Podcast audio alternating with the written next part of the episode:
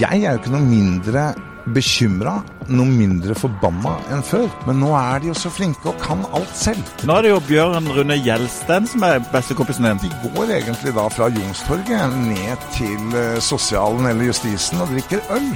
Og det er den kontakten de har med virkeligheten. Her er Stavrum og Eikeland. Velkommen, Fredrik Hauge. Du er jo tidligere revolusjonær miljøaktivist. Nå er du miljøkapitalist. Eh, da ble det endelig enighet på Stortinget eh, om en skattelette til oljeindustrien. Prislappen ble på hele 39 milliarder kroner.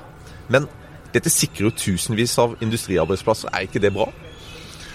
Eh, det er helt klart sånn at vi må ha politisk styring av oljevirksomheten. Men spørsmålet er jo hva vi lærer av dette her.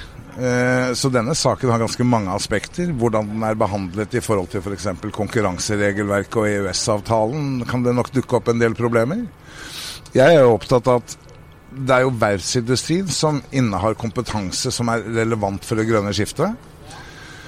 Syns jeg det er rart at man ikke har satt i gang et større pluggeprogram. Vi har massevis av gamle plugger. Det kunne man ha balansert ut supply- og riggmarkedet med. Eh, og så er det jo det da man prøver å få til her, er jo igangsettelse av nye prosjekter. Og det er to perspektiver. Kommer de arbeidsplassene i Norge?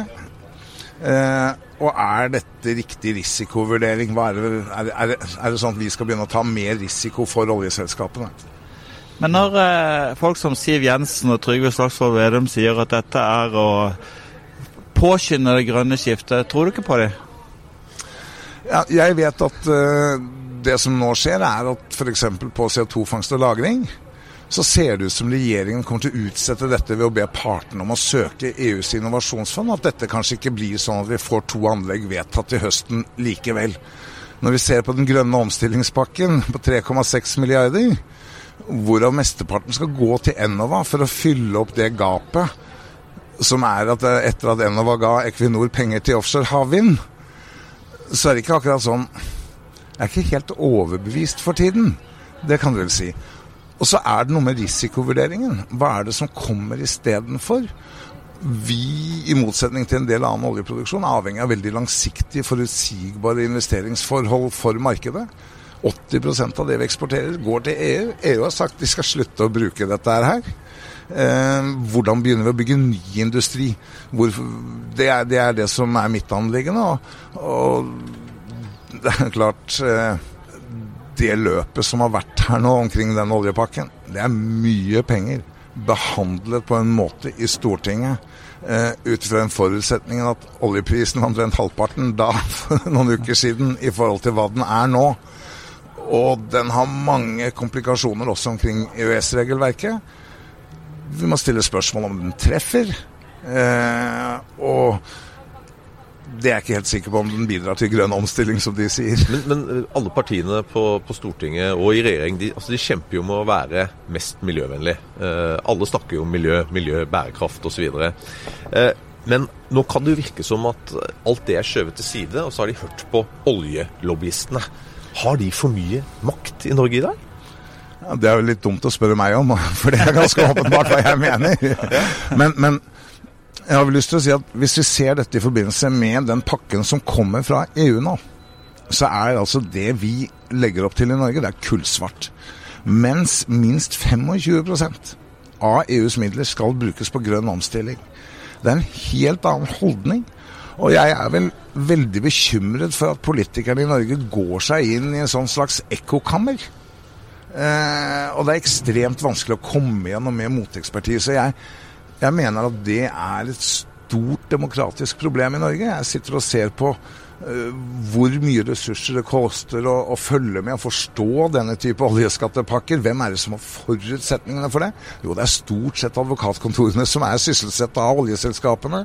Når vi prøver å finne økonomer som er uavhengige, det er ikke mange som tør det, fordi det er en slags ja, har vært et sosialt stigma også faglig sett. Og, og prøve å si mot en del av dette.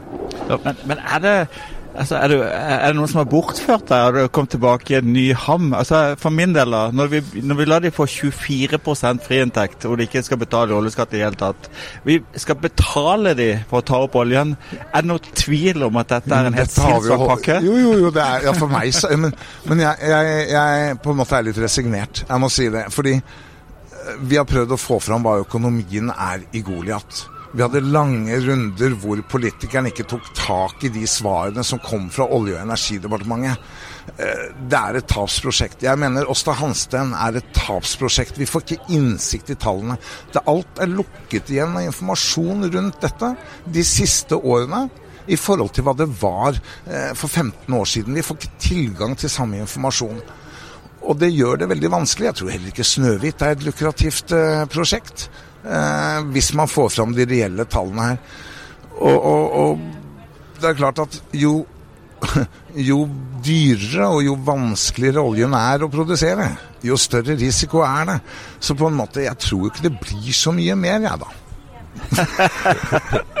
Nei, jeg, jeg, jeg, jeg, jeg syns det er svært alvorlig det som skjer, og jeg syns at hvis vi ser da alternativet Altså vi fyller i dag bensin, diesel på bilene våre som en stor del av dette oljekonsumet. Så, så, så, er det liksom Det er en helt annen framtid enn det vi legger opp til i Norge. Og jeg, jeg, jeg, Hvor mye tid kan jeg bruke på å krangle med politikerne om det? Nå har jeg bare begynt å gjøre ting sjøl, jeg. Ja, apropos det. Eh, Ole kalte deg jo den tidligere miljørevolusjonære som blitt miljøkapitalist. Nå er det jo Bjørn Rune Gjelsten som er bestekompisen din ja, men det er jo viktig å få med folk som er villige til å bygge industri. Og det, og, og, og det vi gjør her, er jo eh, å ta konsekvensen av den revolusjonen som kommer teknologisk sett, bl.a. på batterier. Og for meg så er det helt åpenbart, det blir hele tiden sagt at vi kan ikke sysselsette eh, like mange som i oljeindustrien. La oss se på det tallet. Fordi at i 2040 så skal det i europeisk bilindustri omsettes battericeller for ca. 1000 milliarder kroner i året. Så hvis Norge hadde hatt et mål om å levere 10% av det markedet, så kunne vi bygd fire gigafabrikker i Norge. Vi har masse vannkraft. Eid av kommunene. De får fort skatteinntektene igjen på arbeidsplasser. Det er konkurransedyktige pga. det. Og da ville vi hatt direkte 10 000 sysselsatte i batteriproduksjon og indirekte 30 000 sysselsatte. Og Norge ville hatt en årlig omsetning på 100 milliarder kroner på dette i 2040 hvert år. Det er ikke det samme som å pumpe opp olje og tjene penger på det. Klart det. Det, det er å pumpe opp grunnrenta, det. Men det er gode, lønnsomme, potensielle arbeidsplasser.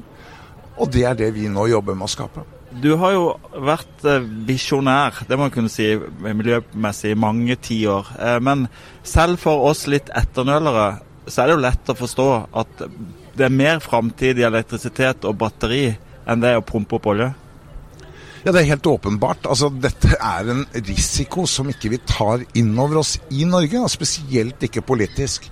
Og, og, og den unisone enigheten som er, og om vanskeligheten med å komme med motargumenter eh, Det er nesten sånn at jeg gleder meg over hvor mye kritisk debatt det har vært i media faktisk om det som har vært nå. For det, det er vi ikke vant til. Men vi trenger mye mer åpenhet om tall. Vi trenger ressurser, uavhengige miljøer som kan gi oss gode økonomiske analyser. Vi trenger fagmiljøer som har mindre bindinger til oljeindustrien og forstår jussen i dette.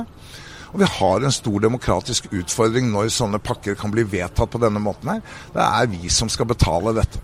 Men har ikke dette vært sånn? Altså de, Den makten som oljeindustrien har, eh, den makten har jo eh, næringslivet og industrien hatt i, i, alle, alle år. Så det er jo ikke noe nytt det at de bruker dyre advokater, dyre rådgivere og, og får gjennomslag. Ja, ja. Og så er det vi i Bellona jobber med, er jo ikke bare å bli stående der med plakater. For det er liksom tiden over. Men du sa at du, du, du hadde resignert nesten her i sted. Eh, at du hadde gitt opp for fordi de har så mye makt, den oljeindustrien. Eh, men tidligere så var jo du uh, You were a rockstar. Altså, no, du gikk jo sammen med Morten Harket. Du hang deg ute i Sellafield, hang deg oppe i master og ditt og datt. Og vi hadde Kurt Oddekalv, som var en sånn Hva skal jeg si, han var en miljøaktivist kamuflert i kommandodrakt. Altså, ja, det var jo mer snakke om han Nei, nei, nei, men, nei, nei, men det, var, det var action. Det var, altså, men nå er det jo bare sånn flink pike, flink gutte-syndrom blant lederne i miljøet. Altså, er, er det blitt for snille? Nei, jeg tror ikke det. Men jeg tror at kampen har flyttet seg i forhold til å kanskje gå fra å være pressgruppe til å være premissleverandør. Vi har et stort arbeid gående i EU. Hvor vi lager mye av regelverket omkring CCS og påvirker internasjonalt med den erfaringen vi har.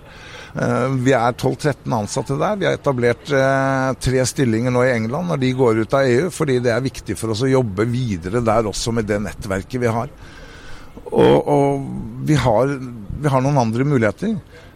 Jeg er jo ikke noe mindre bekymra, noe mindre forbanna enn før. Tvert imot, utfordringene er blitt mye verre. Vi har sølt bort massevis av tid. Hvis du snakker om CO2-fangst og -lagring og mener at jeg skal tro på det Siv Jensen og Trygve Slagsvold eh, Vedum sier om at dette er en del av det grønne skiftet, jeg går ikke på den.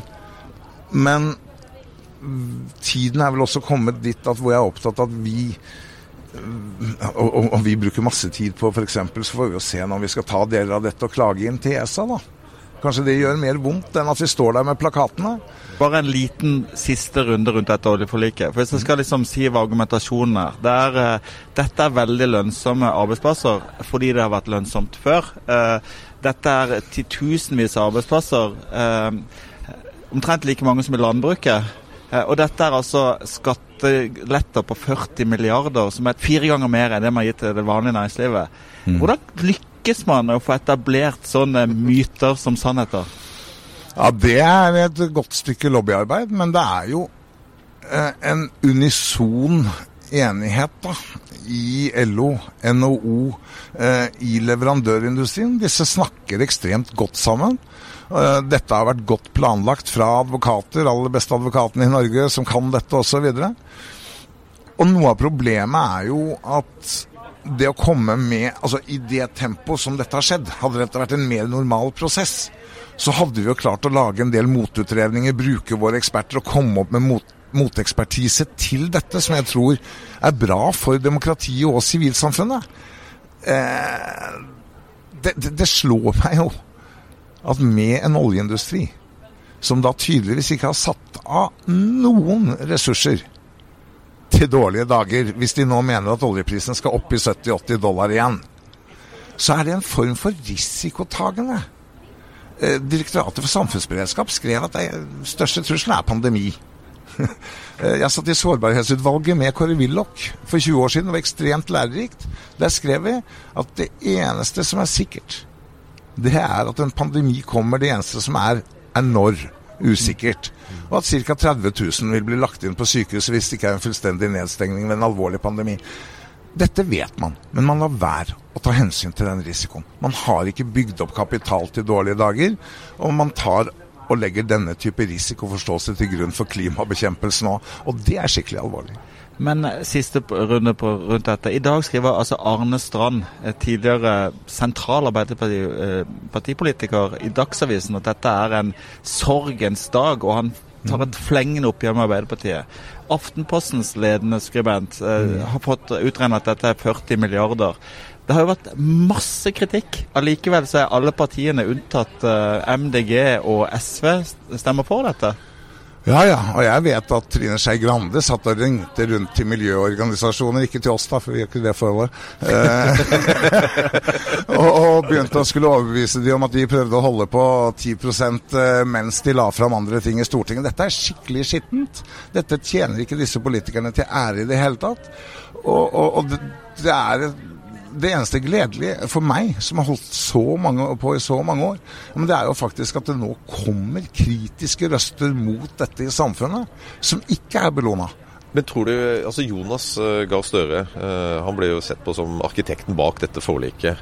Tror du han har skutt seg selv i foten med å, med å gjøre dette? For i, i Arbeiderpartiet så er det jo to sterke leirer. Det er den fløyen som støtter industrien, LO, og så har du den rundt byrådet i Oslo, Raymond Johansen osv., som er mer uh, grønne. Uh, tror du dette, at det nå kommer et oppgjør internt i Arbeiderpartiet?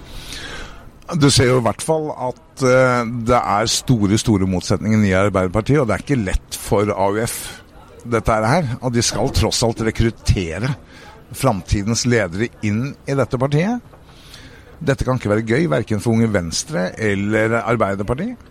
Nå er det faktisk sånn at regjeringen har holdt igjen mer enn opposisjonen. Og Jonas Gahr Støre er litt sånn i ferd med å tre fram nå som skitneste gudsen i klassen sammen med Siv og Trygve. Og det, det kan få ganske store konsekvenser, tror jeg, hvordan enkelte partier som er opptatt av miljøvern, kan komme til å velge i framtiden.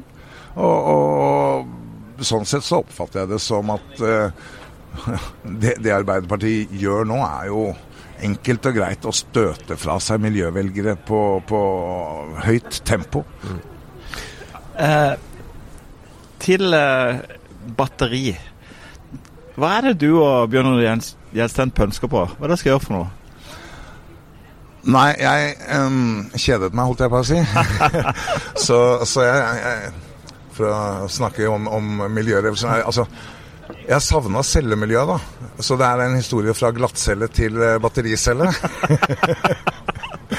men, men, jeg bestemte meg for noen år siden for å se på For vi krever jo helelektrifisering av samfunnet. Mm. Og det får jo noen konsekvenser, bl.a. at vi ikke har nok kobolt. Uh, så jeg begynte å lete etter teknologi uh, innenfor framtidens batteriteknologi som kunne lage koboltfrie batterier. Uh, med, og det fant jeg et lite miljø i Oslo i 2015 som hadde en interessant teknologi. Og så begynte jeg å jobbe sammen med de og utvikle dette selskapet. fått inn bl.a. Bjørn Rune Gjelsten og NOAS som investor, og fått mye forskningsstøtte og fått noen veldig gode resultater som jeg ja, Det dokumentet fra Fraunhofer nede i Tyskland, det er det jeg leser hvis jeg er i dårlig humør. Da blir jeg glad. uh, og det gir en mulighet for i framtiden å produsere batterier på en annen måte. Og det gir samtidig noen deler i den utviklingen vi har gjort der, kan forbedre den eksisterende batteriteknologien. Da, vi er litt dypere i dette. Så kobolt eh, vil det si at man kan klare seg uten disse skitne metallene ja. og produksjonsformene som ja. er ikke bra i Afrika eksempel? Helt riktig. Det har vært et mål med dette prosjektet. Å bruke da svovel og grafen eh, som grunnstoff i, eller som materiale i batteriet, som er mye, mye billigere hvis man får det til. Men det har hatt noen store utfordringer fordi at svovelet vokser og krymper når du bruker det, så det blir fysisk stress. Men alle er enige om at et svovelbatteri har et mye høyere energipotensial, mindre brennbart, bruker ikke disse metallene. Så hvis man lykkes med det, og I den utviklingen så fant vi også en del komponenter som kan forbedre den eksisterende batteriteknologien. og har utviklet en teknologiplattform for det, som nå da er fusjonert inn i Morrow Batteries, som er en storsatsing mellom eh, Bjørn Rune Gjelstens NOA NOAH og Agder Energi, som skal bygge gigafabrikk på Sørlandet, og hvor vi da er med med en mindre eierandel videre. Hvor langt er det kommet? Nei, nå er det jo ikke jeg som skal uttale meg lenger på vegne av det selskapet. Jeg skal bare være stolt på at jeg faktisk har vært med på å utvikle en teknologiplattform for battericeller som nå er i ferd med å bli en industriell storsatsing. Men sett som, sett som aksjonær, når håper du at det skal stå ferdig? Du, jeg har Jeg, jeg oppfattes jo som utålmodig.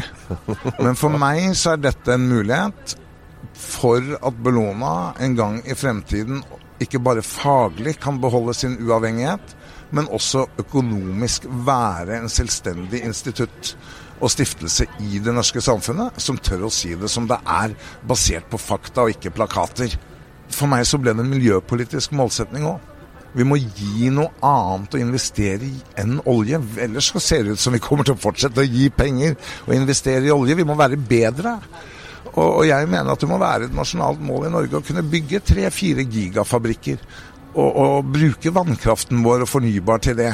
Og forsyne da i hvert fall 10% av batterimarkedet som kommer bare i Europa i 2040, vil kunne sysselsette 30 000-40 000 mennesker direkte indirekte. Men det, og bare for å sette det i en sammenheng, da snakker vi jo om ikke veldig langt unna den sysselsettinga som oljeindustrien har i dag. Eh, og det andre er jo at du snakker om et produkt der åpenbart etterspørsel etter, eh, og lønnsom etterspørsel etter, hvis dere klarer å produsere det. Ja, og det er bare å gå i gang med dagens teknologi. Markedene er eksplosive. og bare, bare, i det norske markedet, bare Klimakur det må jo, Vi regna ut 34% av kuttene eh, er beskrevet skal tas med batterier. Det er mange batterier i Norge. Da må vi få i gang egen produksjon av det. Og det eh, For meg å kunne være med på å kanskje utvikle en teknologi på denne måten her, som gjør også batterier potensielt mye, mye billigere og mye lettere å gjenvinne fordi du ikke bruker disse metallene. Eh, det er payback til alle de møtene jeg har sittet i og hatt med oljeindustrien og kullindustrien. For en dag så kommer bare sol og batterier til å bli billigere. Du, jo, du, har jo mange kjente venner. Eh, og da tenker jeg på sånn at eh, Var det en fuktig bytur bytur i, i Paris for noen år siden som inspirerte deg til å bli stor på batteri? Da var jo du på jeg vet ikke om jeg kan si på fylla, men iallfall på en fuktig kule med Elon Musk og koste deg. Ga det inspirasjon til dette eventyret? Det er klart at han har inspirert. Jeg traff han første gang i 2009. Og vi har jobba med elbil, men da skjønte jeg at nå kommer batterirevolusjonen. Og allerede i 2010 så ble vi faktisk med i et forskningsprosjekt, eh, nordisk forskningsprosjekt for å begynne å utvikle maritime batterier. Og hadde utviklet de første maritime batteriene som vi seilt, tok med en del av næringslivet og seilte til Øst-Grønland. uh, og de har vi jo fortsatt, og det er noe som fortsatt ligger igjen i Beba, altså Bellonas batteriselskap. Vi skal være en akselerator. Uh, vi kanskje bygger flere gigafabrikker, eller altså enormt mye som skal gjøres her. Eh, så har vi klart å akselerere ut og få det ene prosjektet her med framtidens batterier og, og, de fordelene det gir for dagens teknologi, til å bli en industriell satsing. Og det er ekstremt inspirerende. Du, del, du har kjøpt en del Tesla-biler. Angrer du på at ikke du kjøpte noen flere Tesla-aksjer? Ja, men samtidig så, så, er det klart at når du skal holde på med disse amerikanerne Vi fikk respekt hos Tesla i 2009 fordi vi hadde holdt på med elbil siden 1988, og staying power, det teller litt. Uh, Men så det andre som teller, er jo at du må handle med de. så jeg sa jo bare om vi skal ha første av hver, vi. Ja. Uh, kjepphøy som jeg var. Uh, og det har kosta. det skal jeg putta i aksjer. Men jeg har lært veldig mye. Og det har vært ekstremt inspirerende. Og uh, det, jeg, jeg tror på en måte den form for tankegang omkring industrialisering, det å tørre å tenke stort, mm. er nødvendig hvis vi skal løse disse klimautfordringene. Uh, det er jo derfor jeg holder på å dyrke opp ørkenen og dyrke tang, i tar i havet og, og gjøre sånne ting. Og så blei jeg lei av å bare prate. Jeg mener at Bellona har en kompetanse og en erfaring og en nettverk som også gjør at vi, kanskje med vår gründererfaring, for jeg har vel vært en gründer i 35 år, føles det sånn, kan være en fødselshjelper for de selskapene som ikke er starta ennå. Så gjør vi en forskjell. Hver rask hoderegning skulle tilsi at de, de Tesla-bilene du kjøpte, hvis du hadde kjøpt aksjer istedenfor, så hadde du vært god for et par hundre millioner. ja, noe sånt var ikke sant. eh, Fredrik, alle forstår batteri, men vi skal ta et annet tema som ikke alle forstår, nemlig karbonfangst og -lagring. Det blir ikke noe lettere at dere kaller det CCS for å vippe av dere alle sammen. Hva er det for noe? Hva er det vi skal gjøre? Nei, det er over 6000 anlegg i verden i dag med over 1 million tonn med CO2 i utslipp. Uh, en del av dette kan vi erstatte med fornybar energi, men en del er stål, sement, industriproduksjon. Uh, og det må også til på kull og gass hvis vi skal klare klimamålsetningene. Uh, det betyr at vi tar ut CO2-en av røykassen og deponerer den under bakken, tilbake egentlig til hvor den kom fra, i geologiske formasjoner. Og alle scenarioene som er gjort i FNs klimapanel, alt det vi selv ser, er at dette klarer vi ikke uten en omfattende bruk av CO2-fangst og -lagring. Um, alle scenarioene som lå til grunn for Parisavtalen, viser at det i snitt vil bli i hvert fall mer enn 130% dyrere å løse klimaproblemene uten CO2-fangst og -lagring. Uh, for EU så er det snakk om 2-4 trillioner euro dyrere hvis ikke vi har denne teknologien. Det er penger, det òg. Det er mye penger. uh, men først og fremst så koker kloden, ja. hvis ikke vi tar i bruk dette. Og Nå kommer det altså et anlegg på Klemetsrud, på søppelanlegget i Oslo, og det kommer et på Brevik for sementindustrien, eller? Ja, det som vi nå har fått vite, er at uh, i forrige uke så ble partene kalt inn til Olje- og energidepartementet og fikk beskjed om at de burde søke EUs innovasjonsfond. Sånn at eh, vi tror nå at regjeringen i hvert fall utsetter det ene anlegget i to-tre år, kanskje begge. Og det er en stor, stor skandale og setter jo hele oljeskattepakken og grønn pakke i et perspektiv som er helt skandaløst. Er det ett sted hvor Norge virkelig kan gjøre en forskjell, så er det å få fram denne teknologien. Så da bør logoen til Venstre egentlig skifte fra grønt til svart? Da? Ja, men eh, jeg tenker liksom at man skal ikke De er så små nå, så jeg trenger ikke å bruke tid på det. Det er liksom fra månelanding til månelyst. Men, men eh, jeg oppfatter at de på en måte faktisk skulle realisere disse to prosjektene, men, men det skjer ikke. Vi fikk noen beskjeder her nå som jeg regner med eh, ikke er gode. Men eh, Fredrik, eh, min oppfatning er at, at, eh, de som mente at du var en gærning for ti år siden, nå etter hvert begynner å bli bekymra for klimaforandringene i verden. Og hvor bekymra er du for eh, framtiden? Jeg er ordentlig ordentlig bekymra fordi at klimaendringene kommer mye kraftigere, kommer mye tidligere eh, enn vi trodde. Og vi er mye dårligere på å stoppe utslippene enn vi trodde. Eh, men man kan jo ikke sette seg ned og gi opp for det. Og, og, det er jo igjen da det som skremmer meg, det er kanskje at apati er den største trusselen av alt. Og, og derfor er det så viktig å ikke bare vise hva vi slåss mot, men også nå evne å skape og gjennomføre det vi er for. Eh, for ellers så får vi ikke ungdommene med oss på å slåss, og det er helt avgjørende. De må tro på at dette nytter.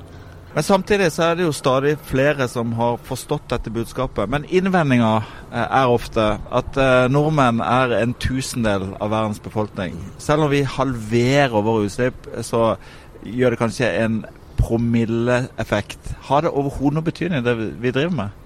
Jeg tror at hva vi hver enkelt driver med, har en betydning. Jeg tror vi kan gjøre en fors forskjell. Vi har enormt mye penger på bok. Uh, vi har masse kompetanse. Vi er ekstremt privilegerte som har disse ressursene, høy utdannelse. Uh, det vi har gjort på elbil, det har faktisk fremskyndet elbilrevolusjonen i verden. Fem millioner mennesker uh, har vært med på å bidra til det, og Bellona. Og det er litt kult. vi kan gjøre det samme på CO2-fangst og -lagring. Og på flere andre områder. Så det å tro at det vi gjør ikke spiller en rolle, hva er det for en tro på, på oss nordmenn? Det, det, det, forstår jeg ingenting av. Vi kan gjøre en forskjell. Men, men det internasjonale samarbeidet, fungerer egentlig godt nok? Det som skjer i USA eh, er ekstremt alvorlig. og, og ikke minst i forhold til tilliten i de internasjonale klimaforhandlingene. Sånn at det gjør jo at det også har vært riktig å fokusere nå på teknologi som rett og slett konkurrerer ut det eksisterende. Veldig mye av de strukturene som bidrar til å opprettholde det som er galt, det er store, gammeldagse konserner hvor det er veldig lite rom for innovasjon som kommer nedenfra opp. Mens du har et samfunn hvor alle nå har tilgang til informasjon. Hvis du er ung i dag, og har lyst til å gjøre noe, så kan du få all informasjonen inn på PC-en din og være like innovativ som et stort selskap. Og, og, det er disse tingene vi nå må få til å handle om miljø. Nødvendigvis ikke drive og påvirke det gamle, men skape det nye. Så kommer det til å konkurrere ut det gamle. Det som gjør meg deprimert, det, er, det handler egentlig kun om politikere. For når du ser på hva det egentlig koster, hva et grønt skifte egentlig koster, hvor marginale kostnader det egentlig er i forhold til velstanden vår, så begriper jeg ikke hvordan folk som går til valg uh, med meningen om at klimaendringene faktisk er en stor trussel, ikke klarer å manne seg opp til å gjøre det. Men du vet at de er jo så flinke, så de har ikke noe behov for input. Jeg opplever at hvis jeg går noen år tilbake, så var politikerne mye mer interessert i å få innspill. Men nå er de jo så flinke og kan alt selv. Eh, sånn at de går egentlig da fra Youngstorget ned til eh, sosialen eller justisen og drikker øl. Og det er den kontakten de har med virkeligheten. Så, så, så det er klart at da blir skolemat viktig. Ikke sant? Da, da blir ikke klima viktig. Og, og, så er det jo ikke noen Jeg syns jo debatten med politikerne eh, den, den gjenspeiler ikke at de har forstått og har lyst til å forstå.